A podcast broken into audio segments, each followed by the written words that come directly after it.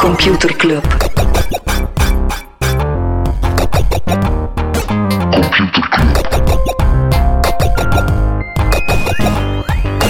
Computer Club. Hey Smolly, Hey Freddy, welkom, welkom terug. welkom. Welkom bij Computer Club, een wekelijkse podcast over technologie. Iedere aflevering selecteren Freddy en ik een eh, artikel en presenteren een interessant feitje. Ja, en eh, soms hebben we het ook niet over dingen, hè. Soms zwijgen we gewoon. Of ja, dus, dan zwijgen we er niet over. Nee, dat zeggen we gewoon, we gaan het niet hebben over Freddy. Waar gaan we het niet hebben over deze week? Ja, ik ben er weer, eh, ik hang er weer aan. Zeg het? Ja, het is eh, het eh, grootste datalek uit eh, de geschiedenis. Oh my god. Op Hij eh, zit jouw erbij. favoriete site Have I Been Pooned, Have I Been Owned. Eh, blijkbaar een datadump van zomaar eventjes eh, 2,6 miljard eh, usernames en paswoorden. Waarvan 2,5 miljard van jou. Ja, wel, maar ik zit er ongeveer bij elk Facebook-lek zit ik erbij en eh, nu dus weer ook. Maar ja, bo, Misschien aangezien moet je dat toch ongeveer... een eh, iets betere paswoord kiezen, Freddy. wat? Misschien moet je toch een iets beter paswoord Ja, kiezen. misschien moet ik naar onze eigen podcast luisteren. Misschien had je Al dat die moeten prakt- doen. praktische tips. Wat, wat is er nog iets waar we het niet over gaan hebben deze week? Eh, YouTube gaat er saaier op worden. Nog saaier? Ja, YouTube heeft eh, blijkbaar eh, guidelines uitgebracht. Ze gaan ehm, eh, van die dangerous memes of dangerous pranks gaan ze verbieden. Eh, blijkbaar, eh, om de zoveel tijd on- eh, ontstaat er eens een eh, nieuwe gevaarlijke hype. Een challenge, zo'n eh, ice bucket challenge of zo. Ja, of, of ehm, eh, strijken op gevaarlijke plekken, zo dat soort dingen. En blijkbaar tegenwoordig is dat de Bird Box Challenge naar de gelijknamige Netflix-film. Ja, waarin dan mensen een blinddoek aandoen, want als ze het blinddoek afdoen, dan gaan ze dood. Of als Ja. ze het gevaar in de ogen kijken, dan gaan ze dood. Voilà, en eh, dus de challenge. En eh, blijkbaar was er een, eh, een, eh, teenager en die had dat gedaan terwijl dat hij met de auto aan het rijden was en was gecrashed. Terwijl dat hij dan aan het YouTuben was. En hoe gaat YouTube dat praktisch eh, aanpakken? Geen enkel, geen enkel idee. Het is wel jammer, want ik had zo wat het gevoel dat dat een goede combinatie was van natuurlijke selectie meets entertainment. Mhm. Eh, dus eigenlijk ja, winnen we als mensheid dubbel.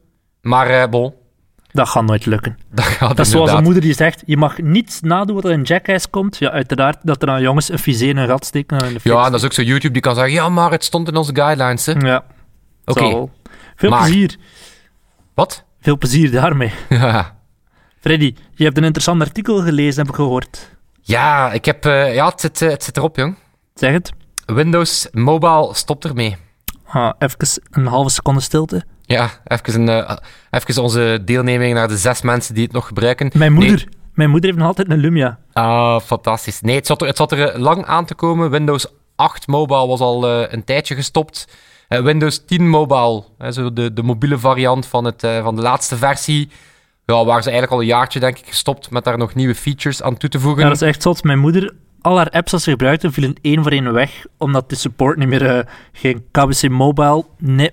MSN, eh, Facebook Messenger, nee.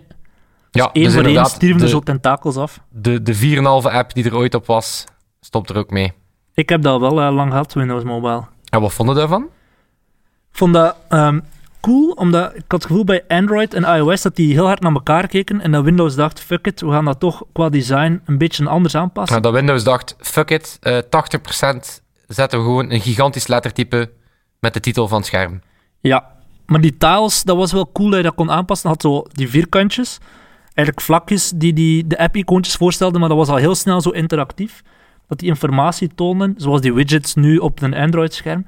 Ehm, wat dat wel kak was, was uiteraard dat er heel weinig apps... De alle coole apps, die werden pas nadien gereleased, of pas als allerlaatste op Windows Mobile gereleased. Ja, ik denk dat dat een beetje de frustratie moet geweest zijn van Microsoft, is dat ze hun, eh, ja, de dominantie die ze op eh, PC hadden, ja, niet konden afdwingen op mobile. Nee, ja. Je had wel zo'n enthousiaste dude, ik ben zijn naam vergeten, volgens mij was het Rudy of zo. Wat? En Rudy. En die, die dude, dat was een developer, en die ontwikkelde de grote apps aan de hand van de API's, kon hij dan zo'n soort Windows mobile versietje ervan maken, van Instagram en Snapchat en zo. Ik Dus vraag me af hoe dat nu met Rudy zou zijn. ja, ik denk dat het Rudy was, maar ik ga even moeten checken en volgende aflevering kom ik erop terug. Ja, wel, het zal wel niet, Rudy zal het wel zien aankomen hebben. Rudy, z- Ze waren er de vrij duidelijk last man over. Maar standing. dus vanaf eh, december 2019 gaat de stekker er, eh, er echt uit. En dan wordt het een, eh, een nostalgisch gegeven. En wat vond jij ervan? Het is... eh, wel, ik heb er nooit op gewerkt. Het ding met die mozaïeken is wel... Daar waren wel serieuze voor- en tegenstanders van. Wat, ik- wat ik wel cool vond, is dat... Het, is, het was inderdaad echt een frisse nieuwe design approach. Mhm. Dus het was inderdaad iets dat nog niet echt gedaan was. Maar ik denk dat ze er iets te fanatiek in opgegaan zijn. Eh, omdat je toch wel hoorde, omdat ze het, dat het onder andere ook op Windows 8 eh, geknald. En Windows 8 ja, was gewoon rampzalig. Ik denk dat dat, dat dat... En Windows is al niet het meest geliefde ding, maar dat was echt met voorsprong eh, de meest gehate Windows-versie ooit. Eh, net omdat ze heel sterk die mozaïeken eh, in alles wouden steken. Ja, dat was wel anderzijds ook wel de sterkte van Windows, dat die tenminste een duidelijke lijn hadden die zowel op mobile als op tablet als op computer werd doorgetrokken. Ja, dat is, dat is inderdaad de coole ding, maar het blijft indrukwekkend. eh, omdat ik, daar wil ik het straks inderdaad wel over hebben, over die, ja, die continuïteit tussen de platformen. Maar het is toch wel een... eh, het, is, het is het casevoorbeeld van eh, hoe dat je je als gevestigde waarde gewoon kan, eh, compleet kan miskijken op, eh, op zo'n grote shift. Mhm. Ehm, en dat heeft ook een naam. Ja, vertel. Dat heet The Innovator's Dilemma. En dat betekent het moment dat, je, eh, dat er zo een nieuwe S-curve aankomt, een nieuwe ontluikende technologie die klein begint en heel zoekend begint, dan is dat blijkbaar heel moeilijk voor de gevestigde waarden om, ehm, om daar snel op te schakelen. Ja, ze- omdat- er zijn wel wat experimentjes in de marge. Tuurlijk had Windows, eh, Microsoft had natuurlijk al smartphones. Maar dan is de vraag, wanneer spring je en maak je echt die sprong om, om daar volop in te zetten? Hè? Wel, het, is, het gaat inderdaad, het is, het is goed dat je het zo zegt, omdat het gaat niet, eh, het zou heel naïef zijn om te denken dat een bedrijf als Microsoft eh, niet zag dat eh, mobiele telefoons, eh, dat, daar, dat daar enorm veel beweging in zat. Maar heel die organisatie was daar gewoon niet klaar voor om die sprong te zetten. Mhm. Het is te zeggen, op dat moment was het nog, eh, ja, was het gewoon het klassieke PC-Windows-model, nog heel lucratief, hè? Ja. waarbij dat iemand moest betalen voor Windows. Of dat het nu de eindklant was, of dat het nu de fabrikant van de, de PC was. Iemand moest daarvoor betalen. Dat was gewoon een gigantische money machine. Mhm. En dan komt daar een nieuw toestel waarbij dat het operating system eigenlijk een commoditeit is. ja. Hè, dus dat is niet iets waar mensen gaan zeggen: Oké, ik ga nu nog eens gaan betalen voor mijn Android of mijn iOS ook. En dat was gewoon voor Microsoft heel moeilijk om daar. eh, Dat is een beetje zo hetzelfde punt waarop dat Apple dan nu zit, maar dan met Apple die in die hardware-industrie zit en die ziet van die services, dat wordt de toekomst. En die gewoon die sprong moet wagen, hè. Ja, wel, inderdaad. En, en dan, dan is het interessant om te zien, eh, als ze echt geloven in die services, waar dat we denk ik vorige week het eh, al Ja. over gehad hebben, eh, durven ze dan die sprong zetten om ook in hun hardware business te gaan snijden. Mhm. En dat was iets dat Microsoft bijvoorbeeld niet, eh, niet kan. Wat, op zijn, wat, wat wel bizar is, omdat als er één ding is dat Microsoft is, is het een platform voor developers om software te maken. Ja, dus die hebben gezegd, Windows is het platform waarop dat, ehm, eh, iedereen en Rudy eh, software kon gaan maken. Versus Apple, die hebben altijd al zo'n neiging gehad, hè, we maken onze eigen producten, Ja. we zorgen dat eh, onze, onze eigen software, we zorgen dat dat perfect samenwerkt. Eh, dus het is heel raar dat Microsoft niet met het eh, App Store-model gekomen is eigenlijk. Mhm. Maar ja, en, en, en dan heb je natuurlijk wel die fantastische quotes van, eh, van, eh, van Steve Ballmer toen dat de iPhone uitkwam. Eh, ik- eh, wat was het? Eh, 500 dollar en it doesn't even have a keyboard, eh, which makes it not a very good email machine. Ja, die zaten echt in die enterprise-industrie, hè. Zoals dat BlackBerry had je toen ook wel al. Ja, en dan had je ook andere, wat was een andere quote van... Is there a toaster that also knows how to brew coffee? En dan, dat- Ondertussen waarschijnlijk wel. Ah, wel, d- d- dat weten we inderdaad. Het internet, een goede tip daar is het Internet of Shit. Zo'n eh, een Twitter-account die de meest hilarische Internet of Things eh, hybrides... eh, eh, dit. Maar echt, dat is een goede, dat is een goede reek- reeks quotes hoor. Uit zo 2007 toen de iPhone uitkwam. Mhm. New York Times bijvoorbeeld zei dat het geen kans maakt omdat het geen flash draait. en Forbes kwam dat jaar nog met een artikel: Nokia, can anyone catch the cell phone king? Het antwoord is ja. Ja, dus. Ehm, maar bon, ze kregen er een, eh, een kop niet volledig, eh, volledig rond. Eh, maar wat anderzijds wel iets is dat mij toch wel regelmatig opvalt, is dat eh, ja, Microsoft is wel eh, terug goed bezig. Ja. En die Wou jij zijn nog wel- iets zeggen over die lijn? Die lijn in design tussen smartphones en tablets en zo? Wel, dat was, het, eh, dat was het, het, het enige ding. Pas op, ik heb het nooit gebruikt. Dus ik heb nooit een eh, Windows Phone of, een, eh, of zelfs een Surface gebruikt, bijvoorbeeld. Eh, dus ik weet niet hoe dat in realiteit was, maar het was wel zo opgevat dat het eh, Continuum heet dat. Mhm. Dat een, een, een programma of een app, dat dat volledig kon schalen van eh, desktop size naar eh, tablet naar mobile. Ja. Eh, Dus dat je eigenlijk die, die, die app één keer ontwikkelt. En dat is wel iets wat je, nog Google, nog iOS op dit moment al, al helemaal juist krijgt. Eh, je hebt zo bijvoorbeeld op iOS wel van die continuïteitsfeatures. Eh, als je iets aan het bekijken bent in je browser, dan kan je En daar dat- heel ja, vlot eh, Inderdaad. Verder lezen op je verder smartphone. lezen. Of als je dingen copy-paste, kan je die meenemen. Het is wel nice, eh, maar het is nog niet volledig die, die propositie van één fluïde systeem die alles, eh, die alles aan kan. En daar is, ehm, hey, want d- dat is ook een beetje de frustratie dat mensen met een iPad hebben, is ja, eh, wat is het nu? Is het nu een iOS-device? zou daar eigenlijk macOS op moeten? Mhm. Eh, maar ja, het is heel moeilijk om die twee te combineren. Maar Google probeert het wel. Die hebben eh Fuchsia. Heb je daar al eens van gehoord? Nee. Dat is En wat is dat? blijkbaar een. eh, het is nog heel experimenteel hoor. Dus het is een soort ja, eh, experiment bij Google. En daar, daar is de poging om één besturingssysteem te maken dat op alles zou moeten draaien. Dus van computers, smartphones, tablets, smart assistants, kleine IoT-toestelletjes. Eh, eigenlijk gewoon één eh, kernel, om dat dan heel technisch te zeggen, eh, die op alle soorten hardware kan, eh, kan gaan draaien. Maar zijn er nog veel mensen die Android tablets of laptops kopen? Maar op, die laptops doen het wel goed, hè. dat is dan met Die Chrome OS. Chromebooks, hè? Ja, Maar dat is blijkbaar in, eh, in het onderwijs is dat een eh, ja maar populair die iets. super cheap zijn natuurlijk. Omdat die inderdaad zwaar onder de prijs duiken. Hè? Omdat je Eh. privacy ervoor eh, betaalt. voilà. Maar het is wel die... Dus daar zat die Fuchsia, zou eigenlijk een beetje de, eh, ja, het, samen, het, het samenkomen van Android en Chrome OS moeten zijn. En dat vervangt dan ook de Android op de telefoon. Dat is gewoon de opvolger van Android ooit. Ja, maar daar, daar, daar verwacht, verwacht niet dat we daar voor 2023 of zo iets, eh, iets publiek van gaan zien. Of dus ze Alright. zeggen... de en hoe mat- weet jij dat dan, Frederik de Bosser? Oké, Ik heb eh, vrienden op eh, belangrijke plekken, Smolly. cool. Ik lees hacker news en zo. nee, trouwens ook nog een, nieuws, een nieuwsfeitje. Ehm, eh, Google gaat eh, 40 miljoen investeren in de smartwatch business van Fossil.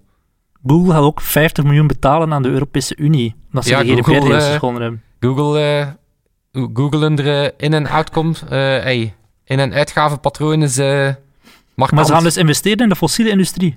nee, in het merk Fossil is een merk, maar tegelijkertijd heeft dat tal van horlogemerken zoals Diesel, Marc Jacobs, dat soort toestanden. Ehm, en daar heb je bijvoorbeeld het feit dat Google in de wearables business eh, ja, toch een beetje achter zit op Apple. Mhm. Eh, net omdat, en dat is een interessant, iets anders interessant aan die mobiele besturingssystemen, meer en meer is die, die samenkomst van die software en die hardware belangrijk. Ja, Het is te zeggen, die chips die bijvoorbeeld geoptimaliseerd zijn om machine learning te draaien, of in het geval van de Apple Watch, het feit dat Apple gewoon zeer goed is in van die heel compacte eh, chips gaan maken, die heel performant zijn, eh, daar zit Androidware een stukje achter. Dus daar hoopt Google, eh, door het gewoon zelf vast te pakken, eh, die achterstand dicht te rijden. ik ben benieuwd. Ik heb ooit zo'n eh, Moto 360 gehad. Dat was de mooiste smartwatch die er ooit gemaakt is. De mooiste? Smartwatch. Oeh, Moet je maar een keer opzoeken. Die ziet er niet uit zoals de andere smartwatches. yes. Alright, Smolly, genoeg geleuterd, eh, genoeg geleuterd over eh, mobiele s- besturingssystemen en het, kennis. eh, het sterven ervan. Ja, tijd voor een brokje kennis voor een eh, feitje. Ja, ik Freddy. ga je. Heb jij een jingle voor mij? Ja, tuurlijk. Hè. Samstagnachmittag, 14.30 Uhr Computerclubzeit und diesmal live aus dem Studio B. Computerclub. Voilà. Huh, wat, wat is dat? Volgens mij heb je de verkeerde jingle gepakt. Wacht, we gaan het even opnieuw doen. Eh, ja, dat is. ehm, even mijn Duits alter ego die hier eh, Frederik komt piepen. Zumboscha. Ja, welkom, Zeit voor Computer Club. Oké, hier komt de echte, hier komt de echte. Computerklas. Ah, dat is beter. Alright, dat is inderdaad beter. Mijn feitje is, sinds dat Donald Trump president is, heeft hij al 362 tweets over fake nieuws geplaatst. Dat is echt knettergek. Maar ik was eigenlijk op zoek naar wat dat de eerste tweet van Donald Trump was, omdat ik dat als feitje wou nemen. Maar dat is gewoon een tweet over hemzelf in derde persoon enkelvoud, waarin hij zegt dat hij eh, bij David Letterman te gast is. Iets van Donald Trump is tonight eh, on television. Dus echt, zelfs zijn eerste tweet slaagt hij erin om helemaal Donald Trump gewijs over zichzelf te praten in derde Ja. persoon enkelvoud. Donald Trump heeft trouwens, beweert trouwens dat hij de term fake news of fake media gecreëerd heeft. Ja, er is een, er is een geniale website, trumptwitterarchive.com, en daarin vind je allemaal feitjes en weetjes over Trump zijn tweets, van hoe vaak hij over bepaalde termen tweet, hoe vaak dat hij Barack Obama heeft uitgescheten, hoe vaak dat hij eh, 's s'nachts heeft getweet en zo, echt geniaal. Maar ik ben dus wat beginnen zoeken naar oudste tweets en hoe dat mensen vroeger Twitter Oké, de gebruikten. oudste tweet dat moet dan die van Jack Dorsey zijn. Ja, de eerste, de aller- dat is een bekende. De eerste tweet is die van Jack Dorsey, waarin hij zegt: Setting up my Twitter-account of zoiets. Maar als je kijkt naar andere oude tweets van Jack Dorsey, dan vind je ook wel raar ding. Want vroeger gebruikten mensen Twitter vooral als een soort status om te zeggen wat ze aan het doen waren. Dus helemaal in het begin was dat vaak zo: sleep, lunch. Dat is wat dat Jack nu allemaal al tweette, toen op in die- dat moment. Inviting coworkers. En op een bepaald moment had hij ook Ga, ik getweet. moet wel zeggen, ik moet wel zeggen, Smolly, met dat je het zo zegt, van, dat was voor zeer onnozele status-updates te doen. Uh-huh. Eh, de Facebook-posts die mij zo achtervolgen uit mijn eh, beginjaren, eh, dat, is ook wel niet, dat is ook wel geen grote poëzie, hè. Ja, maar als ik kijk, Jack Dorsey, die heeft op een bepaald moment ook getweet, on my way to drawing class. En dan de volgende tweet is, drawing naked people. Ik denk nu, ik bedoel, die dude is een CEO van een miljardenbedrijf, dat hij gewoon even tweet, dat hij naakte mensen aan het tweeten is. Leuk. Maar ik ben dan vooral ook gaan kijken van, wat was mijn eerste tweet? Ik ben, wat eh, was die? Wat was die? Wa- wanneer en, en wat? Ik ben in juli 2009 met Twitter begonnen. En mijn eerste tweet is, is going to Cactus Festival Bruges. Dus op dat moment tweet ik blijkbaar nog in het Engels. En mijn vijfde tweet was, spreekt vanaf nu Nederlands. Dus ik was beu om in het Engels te tweeten. Ja, maar je gaat wel s- snel, eh, ai, Ja, heel, gewoon maar ik, snel tot, u, tot uw poëtische stem gekomen. ik eh. ken iemand die het nog sneller kan en dat is Frederik de Bossere. Zijn Oh, allereerste, Wanneer... Oeh, ik vraag me eens af, wanneer was dat? jouw allereerste tweet is mei 2010, dus een jaar na mei. Ja, oké, Early jammer. adopters en de laggers, dat, dat zie je weer duidelijk. Ja, oké, maar ik weet het zelf eigenlijk niet. Jouw allereerste tweet is een eh, Frederik de Bosser tweet. is een tweet naar een of andere vrouw die net de presentatie had gegeven. En de tweet is... Great presentation, although, I did make, although it did make me miss my train. But you did, did make up for that. Smiley. Ah, ja, ik ben daar toen... Slijmbal. Dat Echt. was, een, eh, ja, ja, dat, was, eh, dat was een presentatie over sociale media. Dus Ja, ja, ik maar denk heb dat dan dat nadien nog vier keer aan die vrouw getweet met de vraag of je er stage mocht lopen of zo. Amai, ze, ze pijnlijk, Smolly. Maar ik Ja, heb en er wel, wacht, ik heb je er wel derde een lift, tweet- je ik heb derde er wel tweet- een lift, eh, een lift versierd naar Gent eh, terug, na die Amai. presentatie. Je derde tweet is in het Nederlands en dat is... Wijntje, vleesje, wijfjes en een dikke portie sfeer. Wat? Ja, en wijfjes met een V. Wijfjes. Ik ga die tweet nu favoriten. Ik ga hem niet die tweet, maar gewoon favoriten. Wat retweet die? Maar zot, nee. Wat doet dat? nee. Ik ga er een screenshot van pakken. Maar nu? Maar nee, gast, dan Maar ziet dat is zo iedereen... Dan pijnlijk, ziet het is iedereen toch- maar het is wat, wat, wat voor een rare dude. Het Het is toch smolders uit. pijnlijker voor mij dan voor u? Ik ga niet die tweet. Oké, zeg, zeg nog eens. Wijntje, vleesje, wijfjes en een dikke portie sfeer. Je hebt wijfjes verkeerd geschreven. Je hebt met een V in plaats van met een F geschreven. Amai. Hé, pas op, ik sta wel nog al- altijd achter de levensstijl. hè. Maar vooral die eerste tweet is gewoon... Zit er ja, nu echt naar mijn classic. Twitter te kijken? Dus je zit er nog in of, of had het, had het al Ik zie die opgezocht? tweet hier voor mij staan. ja. En wat, komt, wat, wat, wat daarna? Daarna, nee, daarna komt er niets meer. Ik heb gewoon die ene hier los openstaan. Oké, Zwat. oké, we, zijn, we, zijn, we zijn ons aan het verliezen in, Het gaat mijn, eh, pijnlijk worden als we het langer over in doorgaan. mijn, sfeer, eh, mijn sfeervol leven. Ja. Smolly. Ik heb een artikel gelezen, dat is eigenlijk meer een nieuwsfeitje. Eh, Jeff Bezos is ge- gescheiden van zijn vrouw McKinsey. Die vrouw heet echt McKinsey. Ja, inderdaad. We gaan de dag allemaal toer op. Ja, nee, dus... eh, inderdaad, Maar het is, het is Jeff- relevant. Het is Jeff, mag, relevant. Jeff mag doen met zijn leven wat hij wil. hè. Je- maar ik vond het wel interessant. Ehm, dus het feit dat, dat die gescheiden zijn, dat heeft wel degelijk een impact op Amazon. Of op, toch zeker op, op, op eh, Jeff Bezos, zijn leven, naast het feit dat hij gescheiden is. Want zij... eh, Rijkste man, rijkste man van de VS? van de wereld, maar Rijkste man voorlopig- van de wereld. Voorlopig nog, want normaal gezien zouden ze in theorie alles eh, netjes moeten scheiden volgens de wetten van waar dat zij wonen in Washington, in Seattle, ehm, wat dat haar de rijkste vrouw ter wereld zou maken. Ehm, maar ik ben zo'n beetje gedoken in het leven van die twee en toch vooral in het leven van, van Jeff, los van Amazon en weet je dan wel hoe goed de Amazon het doet. En wie, wie is Jeff Bezos? Dat is zo de vraag waar ik me mee, mee heb bezig gehouden. En Jeff die heeft zijn vrouw leren kennen in New York in de jaren 90, toen hij op Wall Street werkte. Dus die werkte bij een hedge fund. Zo'n heel rijk, eh, was een dik betaalde bankier ooit, Jeff. En hij had McKinsey, die was ooit op sollicitatie gekomen. Die, eh, Jeff was daar hiring manager en die zijn er nadien een relatie begonnen. Classic. Ze heeft wel een grote rol gespeeld bij de opstart van het bedrijf. Was er onder andere erbij toen dat hij het businessplan schreef. Volgens de overlevering gebeurde dat in een hele lange autorit. Maar de laatste jaren is ze een beetje aan de achtergrond verdwenen. Ehm maar het zou wel ongezien zijn, moesten effectief de helft van het geld krijgen. Dat, maar ik eh, had, wel, ik had wel gelezen dat hij. En ik weet nu niet of dat, dat zo een soort laffe, laffe onderhandelingstechniek is, maar dat hij blijkbaar wel argumenteert dat de eh, helft van de Amazon-aandelen opgeven, Mhm. dat dat de Amazon-waarde serieus verlaagt. Ja, maar ik denk dat die achter de schermen al iets geregeld hebben voordat die die scheiding aankondigden hoor. Ja, En je ziet bij andere tech-CEO's, waaronder die van Oracle, die zijn ook al een paar keer getrouwd en, en gescheiden. En hun geld is altijd buiten schot gelaten. Dus ik denk dat, er, dat daar niets mee zal gebeuren. ja maar die McKinsey, dus blijkbaar één, eh, wel een ferme madame, Mhm. denk dat ik. sowieso. En ehm, ja, het is, het, is, Blijkbaar was het wel echt een, een sterk partnership of zo. Ja, dat Maar zie je in die- heel veel artikelen over Bezos. Komt dat terug dat hoe belangrijk dat, hij, ha- dat haar rol in zijn persoonlijk leven was. Mhm. Maar dus los van, daarvan, Jeff, zijn verhaal leest een klein beetje als een American Dream. hè. jij als een tiendermoeder, de papa die aan de fietswinkel en die zijn gescheiden, die ouders, toen dat Jeff vier jaar was. Toen had ze een nieuwe man, de mama, Mike Bezos, vandaar familienaam van Jeff. Dat was een beetje de echte papa van Jeff geworden. Hij werd in de McDonald's en is daarna ingenieur geworden. En dan denk je, oh wauw, dat is echt de American Dream, arme jongen die rijk wordt, maar zo arm blijkt, blijken die ouders toch niet zo geweest te zijn. Weet je Maar wat ik ook zo 1994? een fantastisch voorbeeld van de American Dream vind? Wat? Kijk je zo die Bezos-meme, waar dat ze zo enerzijds die foto hebben van Jeff Bezos in zijn improvisatiekantoor met dat spandoek van Ah, Ik Amazon, weet wat er komt. en dan de foto ernaast, Is een Eh, bodywarmer. buffed, ja inderdaad, buffed up Bezos in een bodywarmer met blote armen, En een eh, zonnebril. army sunglasses en twee security man erachter. Yes. Maar zwart, Top. even terug naar de eerste Bezos van die eerste foto. Begin In 1994... Bezos. Wat? De begin Bezos. Ja, de begin Bezos had in 1994 een vergadering met 60 vrienden en familie. En hij zei, jongens, ik heb een idee om een online boekenwinkel te beginnen. En ik vraag jullie om elk 50.000 dollar in mijn idee te investeren. En er hebben er eh, 22 mensen dat gedaan. En er zijn 38 mensen die volgens mij nog steeds wakker worden met het gevoel, what the fuck heb ik met mijn leven gedaan? Ik had miljardair kunnen zijn.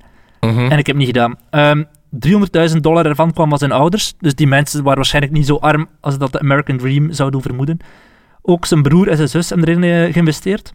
Dus die ouders die waren blijkbaar niet zo rijk. Maar zijn ouders die hebben al verrassend veel geld weggegeven aan het goede doel. Iets wat dat Jeff eigenlijk niet doet in vergelijking met zo'n Bill Gates en een Warren Buffett. Hij doet dat heel af en toe, maar hè, het is een mooie anekdote om een, een, eh, een van zijn werknemers, een van de Amazon-werknemers, die is Holiby. En die had hem gestuurd op een bepaald moment Jeff, ik weet dat je niet veel geld weggeeft aan het goede doel. Maar het, er is eh, een redelijk cruciaal moment op dit moment eh, voor de wetgeving voor holibies in Washington. Zou je steun willen geven aan die campagne daarvoor? Want ik denk dat het echt heel belangrijk is dat we steun ook hebben van, eh, van hetero's. Zijn antwoord erop is: Jen, this is right for so many reasons. We're in for 2,5 million. Jeff en McKinsey, dat was hij nog samen met zijn vrouw. Dus in vergelijking met de andere tech, tech supergolden is hij een klein beetje anders. Maar hij gaat ons wel naar de ruimte brengen, hè? Ja, sorry. wel net zoals dat Elon Musk met ruimtevaart bezig is, is ook eh, Jeff ermee bezig. Hij heeft Blue Origin opgericht in 2000, twee jaar voordat Elon SpaceX heeft gelanceerd. Een beetje hetzelfde idee, privé eh, ruimtevaart. Ken je, weet je wat zijn meeste frivole project is? Nee, Ehm, de 10.000 Year Clock. Heb je daar al eens van gehoord? is dat zoiets zoals eh, Frank de Bozer is een klokje? Wel, het, is, het is een super ambitieuze eh, plan. Mhm. Het is een, eh, ehm, een plan van een zekere Danny Hills, en, of Hillis.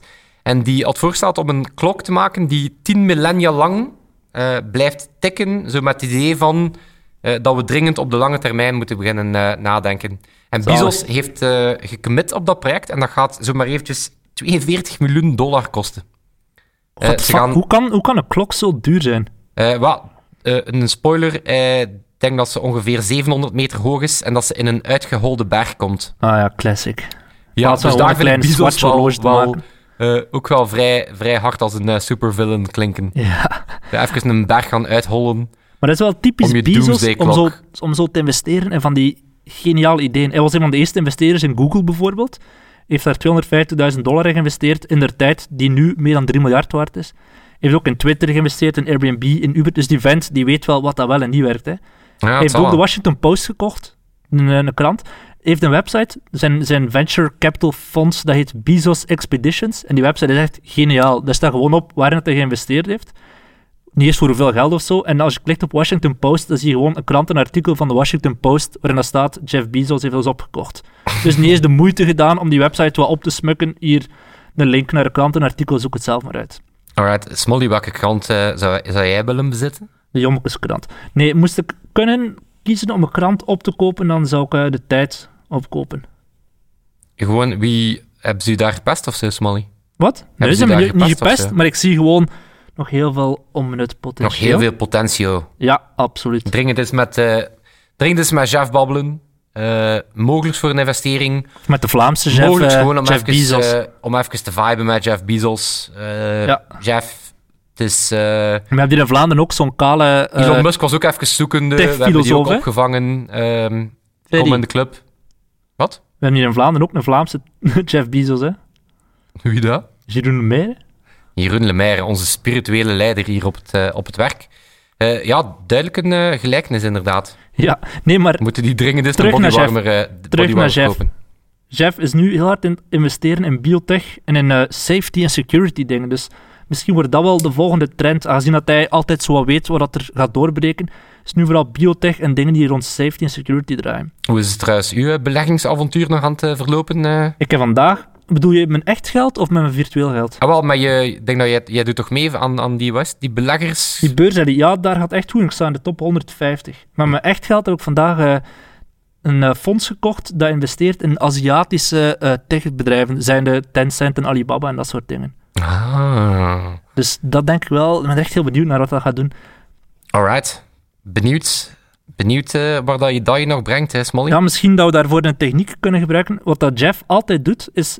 Hij beeldt zich in, wat als ik in de toekomst zou terugkijken naar het Jeffke van vandaag, en waar zou ik spijt van hebben en waar niet. En dat is zo de manier waarop hij beslissingen maakt. En eh, ja, dat is blijkbaar ook de manier hoe, wat hij verwacht van zijn managers. Eh, hij Echt? wil geen ellenlange presentaties zien, hij wil eigenlijk gewoon het toekomstige persbericht zien.